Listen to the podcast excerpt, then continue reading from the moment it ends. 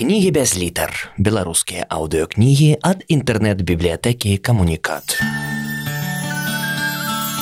Уладзімир Орлоў. Айчына, маляўнічая гісторыя. Частка першая ад рагнеды да касцюшкі. Чытае аўтар. Аповед 13. Рыцары вялікага княства. Вы ўжо ведаеце, што знатныя роды ў нас зваліся шляхты. Да яе належалі кожныя 10-12 са 100 жыхароў вялікага княства. Гэта вельмі вялікая частка насельніцтва. У суседніх рассеі, Аўстрыі і Прусіі знатных людзей, якіх яшчэ называлі дваранамі, было ў 10 разоў меней, толькі адзін чалавек сотні. Шляхта валодала зямлёй, сялянамі і карысталася надзвычай шырокімі правамі. Шляхцічы былі вольнымі людзьмі. Яны вызваляліся ад усялякай платы са сваіх уладанняў, маглі купляць, прадаваць і дарыць зямлю. Кожны шляхціч меў права свабодна выехаць за мяжу. Шляхта судзіла сялянаў, а ейныя справы мог разглядаць толькі адмысловы шляхецкі суд. Збіраючыся на мясцовыя з'езды соймікі і на агульнадзяржаўны сойм шляхта ўдзельнічала ў кіраванні краіною якраз яна выбірала вялікага князя, а таксама ўсіх суддзяў у тым ліку самых галоўных суддзяў трыбунала вялікага княства літоўскага. Найважнейшым абавязкам ліцвінскай шляхты была абарона айчыны. Але шляхта не толькі ваявала. Яна давала дзяржаве палітычных і рэлігійных дзеячаў, вучоных, пісьменнікаў і асветнікаў. Кожны шляхецкі род вялікага княства ганарыўся сваім гербам. Герб заўсёды меў назву і сведчыў пра вольнасць і незалежнасць гаспадара. Праз герб можна было вызначыць паходжанне і сваяцкія сувязі яго уладальніка. Разглядваць шляхецкія гербы вельмі цікава. На іх можна сустрэць выявы самых розных знакаў, рэчаў, раслін, жывёлавы птушак. На гербе любіч, якім карысталіся больш за 500 родаў, мы бачым падкову з двума крыжамі. На гербе дарагаслаў змешчаная страла. З герба магутна магнацкага роду радзівілаў глядзіць чорная роў. Кожная выява на гербе мае свой сэнс. Каб дакладна зразумець, што азначае той або іншы герб, трэба ведаць навуку геральдыку. Яна дапамагае пазбегнуць смешных памылак. Да прыкладу, на гербах нярэдка сустракаюцца бараны і козлы.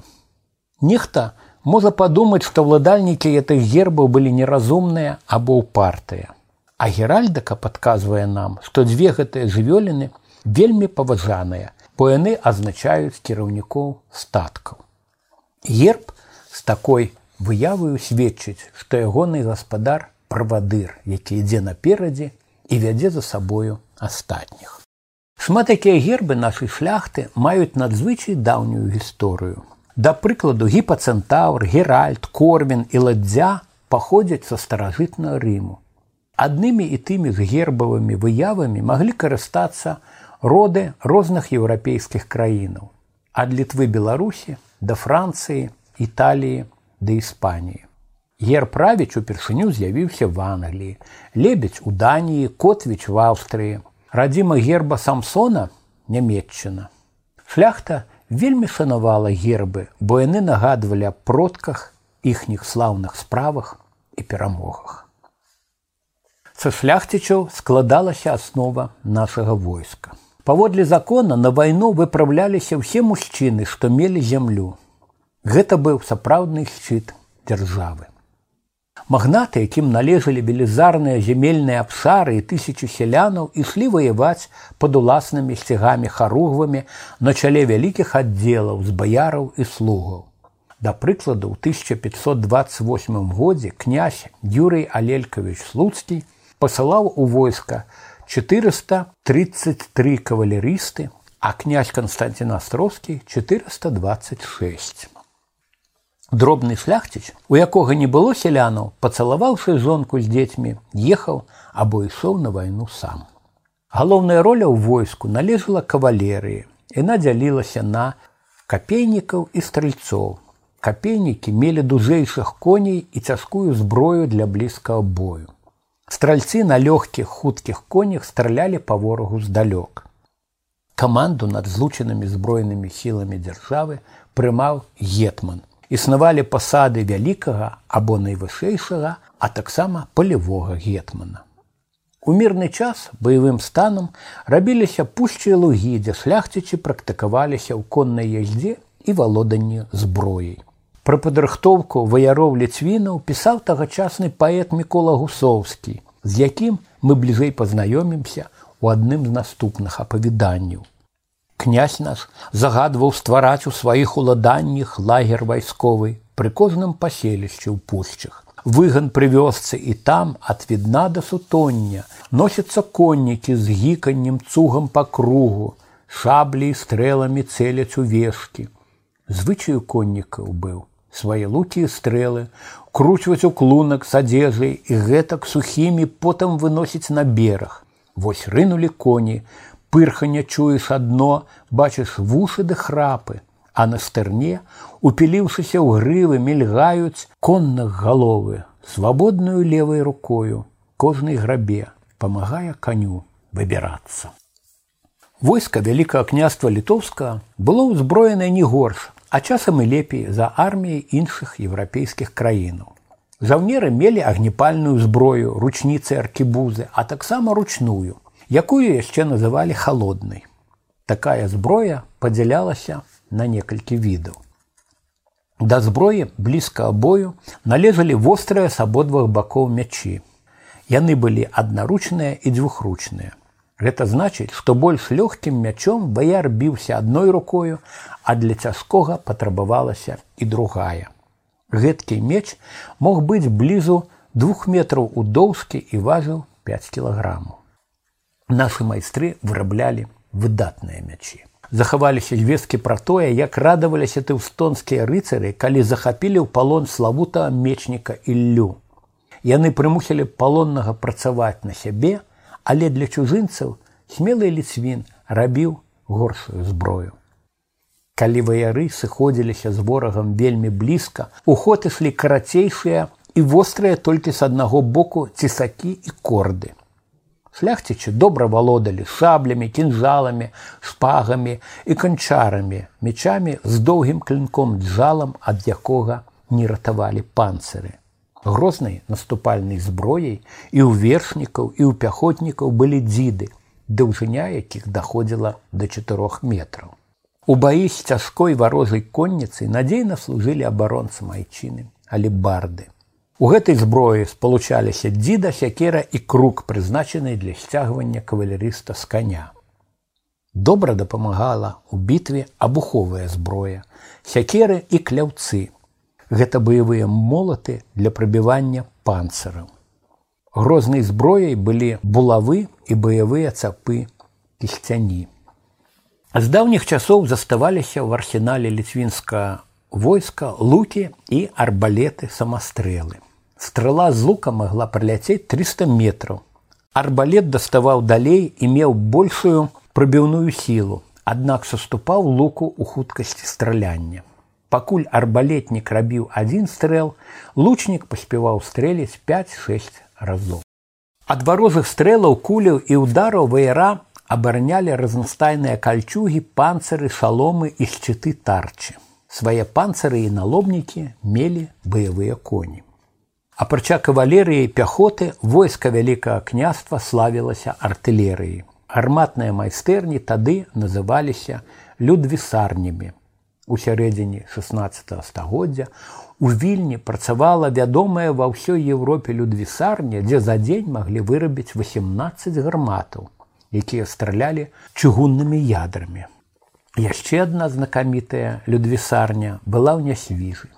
Шмат якія нясвійскія гарматы праславіліся ў бітвах і нават атрымалі адмысловыя грозныя імёны: сава, гідра, саламандра, кракадзіл, цмок. У вялікім княстве літоўскім, як і в іншых еўрапейскіх краінах існавала рыцарства. Упершыню пра рыцараў ліцвінаў гаварылася ў грамаце, якую ў 1387 годзе падпісаў вялікі князь Егайла. Беларускае рыцарства на чале з вітаўтам вялікім здабыло сабе неўміручую славу пад грунвальдам. Праз некалькі гадоў да нашага князя прыехалі паслы з Чехіі. Яны прапанавалі яму стаць чэшскім каралём і бараніць іхнюю краіну ад нямецкіх крыжакоў. Вітаўт застаўся на радзіме, але паслаў на падтрымку чехам пяцітысячнае войска пад камандаю свайго пляменніка Гемонта Карыбутавіча. Беларусы, якіх мы памятаем, называлі тады ліцвінамі, ваявалі побліч з братамі чехамі больш за 10 гадоў. І пазней рыцары ліцвіны шмат разоў перамагалі ворагаў, абараняючы родную зямлю і дапамагаючы суседзям. Рыцарамі лічыла сябе ўся шляхта. Правы і абавязкі рыцараў былі падрабязна запісаныя ў законах правілы рыцарскіх паводзінаў перадаваліся ў шляхецкіх сем'ях ад бацькі сыну. Рыцары мусілі заўсёды паказваць сілу, мужнасць і розум, але не для таго, каб проста выхваляцца імя, каб бараніць слабых, шанаваць жанчын, падтрымліваць царкву. Разам з тым, з юных гадоў рыцар не забываў пра навуку. Дзеля прымнажэння славы рыцар мог зрабіць падарожжа ў любую апрыча непрыяцельскіх краіну. Закутах у панцыры ваяроў з берагоў дзвіны Дніпра і нёма набачылі пры дварах уладароў розных дзяржаваў. Некаторыя з нашых землякоў здабылі у чужых краях шырокую вядомасці славу. Да прыкладу шмат вандраваў па Еўропе ў сярэдзіне 15 стагоддзя ліцвін Александр Солтан Ягоны ваярскі талент і мужнасць высока цаніў славуты бургунскі герцах Карл смелый. У Англіі за рыцарскія ўчынкі Солтан атрымаў ад караля залаты ланцуг. Дадому наш суайчыннік вярнуўся з найвышэйшай рыцарскай узнагародай ордэнам залатога руна. Добра спраўляцца са шматлікімі нялёгкімі абавязкамі рыцар мог толькі тады, калі старанна клапаціўся пра ўзбраенне. Закон забараняў ваярам мяняцца коньмі і зброяй, каб лепей паказаць сябе на гетманскім вайсковым аглядзе. Махляроў сурова каралі. Рыцарскія правілы не дазвалялі паражаць праціўніка ззаду. Печатка ганьбы цікала таго, хто конны забіў пешага або ўзброены беззбройнага. Здрада і баязлівасць клалі вечнае кляймо не толькі на ваяра, але і на ягонах нашчадкаў. Кожны рыцар здзяйсняў подзвігі дзела гонару айчыны і дамы свайго сэрца. У кагосьці гэта была каханая дзяўчына ці жонка, у кагосьці маці або сястра. Недзе ў полацку вільні, нясвіжы ці горадні дама чакала, калі яе рыцар вернецца з вайны ці далёкай вандроўкі. Але гаварыць пра сыноў, братоў ці каханых стараліся не шмат. Спрадвеку жанчыны ў Беларусі верылі, што калі мужчына ваюе, нельга называць ягонае імя ў голас, бо тады ён можа неспадзявана азірнуцца і трапіць пад варожы удар. Калі ў далёкай ці блізкай краіне у нашых рыцараў пыталіся, адкуль яны, тыя з вялікім гонарам казалі: мы ліцвіны, Бог нам радзіць. І ў мірныя часы рыцары надоўга не развітваліся са зброяй, бавячы час на паляваннях і турнірах. Паляванне лічылася не проста забавай, але і выдатным сродкам умацавання духу і цела рыцара. У сутычках з буйным зверам, турам, зубром, мядзведзям, дзікому дасканальвалася валоданне ўсімі відамі зброі. Рыцарскія турніры, дзе вызначаліся самыя дужыя, спрытныя і хуткія, можна параўнаць з цяперашнімі спартыўнымі спаборніцтвамі. Правілы былі падобныя ўва ўсёй Еўропе, таму кожнае такое спаборніцтва збірала ваяроў з розных краін. На турнір рыцары з'яўляліся за чатыры дні да яго пачатку. Першы вечар адводзіўся святочнай вячэры і танцам. Назаўтра суддзі абмяркоўвалі кандыдатуры удзельнікаў. Для гэтага на ўсеагульны агляд выстаўляліся іхнія баявыя шаломы і сцягі. Пасля таго, як гучна называлі імя рыцара, кожны з прысутных меў права сказаць сваё слово. Калі пра кандыдата даведваліся нешта недобрае, ягоны шалом скідвалі на зямлю, і гэты чалавек мусіў вяртацца да хаты. На трэці дзень рыцары пакуль што без зброі прыязджалі на месца спаборніцтву. Яны ўрачыста прысягалі выконваць усе правілы турніру. Тым часам уздоўж рысталішча ладзіліся трыбуны для гледачоў. За турнірамі, што адбываліся на гарадскім пляцы, можна было заплату назіраць і з вокнаў блізкіх дамоў. Зрэдку турнірныя гульні праходзілі і ў вялікіх залах палацаў і замкаў. Дзень спаборніцтва пачынаўся з таго, што рыцары надзявалі панцыры дзеля агульнаагляду. Зброя ўдзельнікаў найперш дзіды павінна была мець прыблізна аднолькавую якасць і даўжыню. Коней таксама падбіралі аднаго росту, каб праціўнікі мелі роўныя умовы і перамога залежала толькі ад майстэрства. Спаборнікі выпрабоўвалі сілу і ваярскае ўмельства і камандамі і сам насам. Праціўніка трэба было выбіць седла або збіць надол разам з канём. Пры гэтым забаранялася калечыць чужого каня, біць ззаду або ніжэй за пояс нападаць на рыцара са збітым шалому. Бывала, што баі зацягваліся да позняга вечара, але нарэшце трубачы гралі адбой і на святочныя вячэры уручалі ўзнагароды. Праўда, пры гэтым спаборніцтвы яшчэ працягваліся у выглядзе ўзаемных застольных жартаў. Часам яны былі вясёлыя, а часам маглі абразіць. Аднаго разу на турніры ў вене немцы ўзяліся пасміхацца з таго, што ў рыцараў з вялікага княства і Польшчы горшае ўзбраенне. Нехта з нашых запытаўся, чаму ж вы тады з добрай зброяй прагралі бітву пад грунвальдам. Немцы не супакоіліся і каб да пячы супернікам прапанавалі ім купіць за 100 злотах свайго самага старога і маларослага коня. Ліцвіны з палякамі заплацілі грошы, а на наступны дзень запрасілі крыўнікаў на абед, каб пачаставаць свежую алянінай. Немцы дружна нахвальвалі сважанае мяса, пілі келіх за келехам віно і весяліліся. Пры канцы абеду ім на вялікім падносе, прынеслі галаву і ногі з капытамі ад іхняга коня. Зразумеўшы, якога аленя яны з'елі, нямецкія рыцары схапіліся за мячі, але правілы змусілі іх сесці на месца і прысаромлена заціхнуць. Такія вось здараліся тады суровыя жарты, але і часы былі нелагодныя. Многія ліцвіны, як тады называлі беларусаў, выпраўляліся на спаборніцтвы ў заходнія еўрапейскія краіны, нават у далёкія Іспанію і Португалію і вярталіся адтуль з узнагародамі. Замежныя турнірныя кнігі мелі адмысловыя раздзелы, прысвечаныя вялікаму княству літоўскаму. Там змяшчаліся гербы рыцараў і кароткія аповеды пра здабытыя імі перамогі. У сваю чаргу ваяры з Францыі, Англіі, Нямметчыны, Італіі, Чехіі, вугоршчыны да іншых краёў прыязджалі памерацца хіламі ў нашу сталіцу вільню. Асабліва часта турніры адбываліся там у 16 стагоддзі, калі вялікім князем быў Жгемонт Август. Некалькі тысяч гледачоў бачылі ў 1546 годзе бой, у якім сышліся ліцвін Габрыэль Тарла і прускі рыцар Лягендорф. Доўгае і зацятае адзінаборства выйграў, хоць і быў паранены наш земляк Габрыэль. Праз год на вялікія рыцарскія спаборніцтвы ў вільню з'ехаліся рыцары з 10 краін. Апрача баярскіх двубояў турнірнікі бралі прыступам пацешны драўляны замак. На рысталішча выходзіў і перамагаў сам гаспадар Гемонт Август. Але найбольш запомнілася віленцам і гасцям, як надзеўшы панцар у жартоўны бой адразу з двума рыцарамі уступіла ліцвінка зоська доўгая, якую уся вільня паважала за спрыт і весялосць. Вайры мужчыны крыху разгубіліся, Зочка тым часам нядрэнна ўпраўлялася з дзідаю і суддзе пад рогат прысутных абвясцілі жанчыну мацнейшай.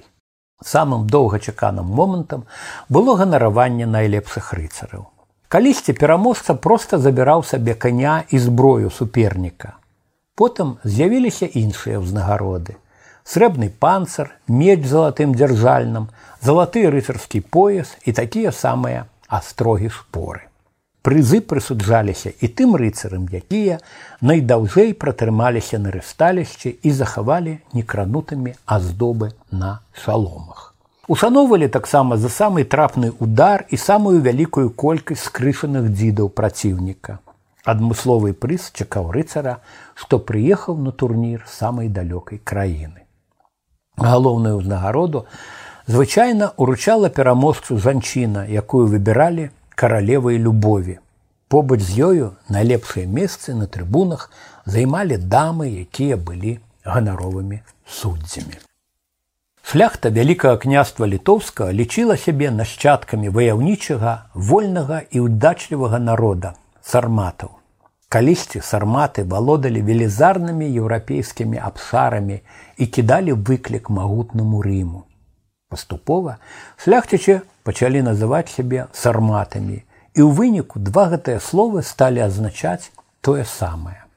Бацька выхоўваў сыноў у сармацкіх звычаях. З малых гадоў шляхціч літвін ведаў, што найдаражэйшае яго багацця конь і шабля.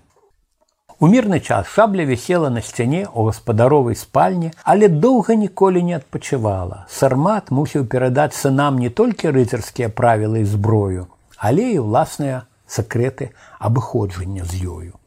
Хлопчыкі ўжо ў раннім дзяцінстве вучыліся ездзіць на кані, фехтаваць, страляць з лука і кідаць дзіду. Шмат увагі аддавалася практыкаваннем на развіццё сілы, спрыту, цігавітасці шляхцічы сарматы не забываліся і пры выхаванні дачок. У падлеткавым веку іх звычайна пасылалі да двара боль знакамітага і багатага сваяка. Там дзяўчынкі навучаліся добрым манерам, танцам, гульням, а таксама коннай яльдзе і страляніне з лука. Не менш чым за зброяй сапраўдны сармат сачыў за сваім парадным адзеннем. Яго прыгожвалі перламі, золатам, футрам гарнастая. У модзе былі накідкі са скуру драпежных звяроў, ваўкоў, рысеў, мядзведзяў. Яны падкрэслівалі ваяўнічасць і сілу гаспадара. Сармацкія касулі, каптаны, контусы ды іншыя адзення шылі з дарагіх і яркіх тканін пурпуровага, блакітнага, жоўтага і зялёнага колераў. Багатыя і пасытыя з добрым густам уборы паслоў вялікага княства літоўска уражвалі прыдворных ўсёй Европы. Але галоўнае было не адзенне, а тое, што шляхцічы сарматы сапраўды вызначаліся рыцарскімі паводзінамі і адданасцю роднай зямлі. Сваім дэвізам яны абралі крылатыя словы: жыццё айчыне, гонар нікому. І праз стагоддзі нашыя шляхцічы захавалі добрыя даўнія традыцыі. Некаторыя памылкова называюць шляхту вялікага княства літоўскага польскай. Напраўду, шына ніадкуль сюды не прыходзіла, ніколі не захоплівала гэтай зямлі. Наадварот, заўсёды бараніла і ад ворагаў, паўставала супроць акупантаў і хоць пазней карысталася часта польскую мовай, добра ведала родную беларускую мову і звычаі сваіх продкаў. Якраз з нашай шляхты, як мы яшчэ даведаемся, выйшлі паўстанцкія правадары, палітыкі, культурныя дзеячы Беларусі 19 пачатку два стагоддзя. Сёння нашых прапрадзедаў сарматаў можна ўявіць дзякуючы старадаўнім партрэтам. Іх вы пабачыце, калі прыйдзеце на экскурсію ў нацыянальнай гістарычнай і мастацкій музеі Беларусі. У кнізе Владзіміра Крукоўскага срэбная страла ў чырвоным поле, пералічаныя беларускія роды, якія налезалі да шляхты. Знайшоўшы там сваё прозвішча, вы можете даведацца, якім гербам карысталіся вашыя прадзеды шляхцічы. Звычаі правілы забавы рыцараў вялікага княства не забытыя і ў наш час. Іх зберагае моладзь з рыцарскіх клубаў. Толькі ў Менску іх блізу 15, а ва ўсёй Беларусі некалькі дзясяткаў. Цяперашнія рыцары маюць майстэрні, дзе вырабляюць сабе баявы рыштунак, за які не сорамна было б і продкам сарматам 5 стагоддзяў таму. Дзяўчаты шыюць паводле даўніх узораў сукенкі, развучваюць танцы, якія выконвалі іхнія прабабулі у палацах вітаўта і жагемонта августа. Юнакі з беларускіх рыцарскіх клубаў штогод заваёвваюць узнагароды на святкаванні грунвальскай перамогі ды іншых сучасных турнірах.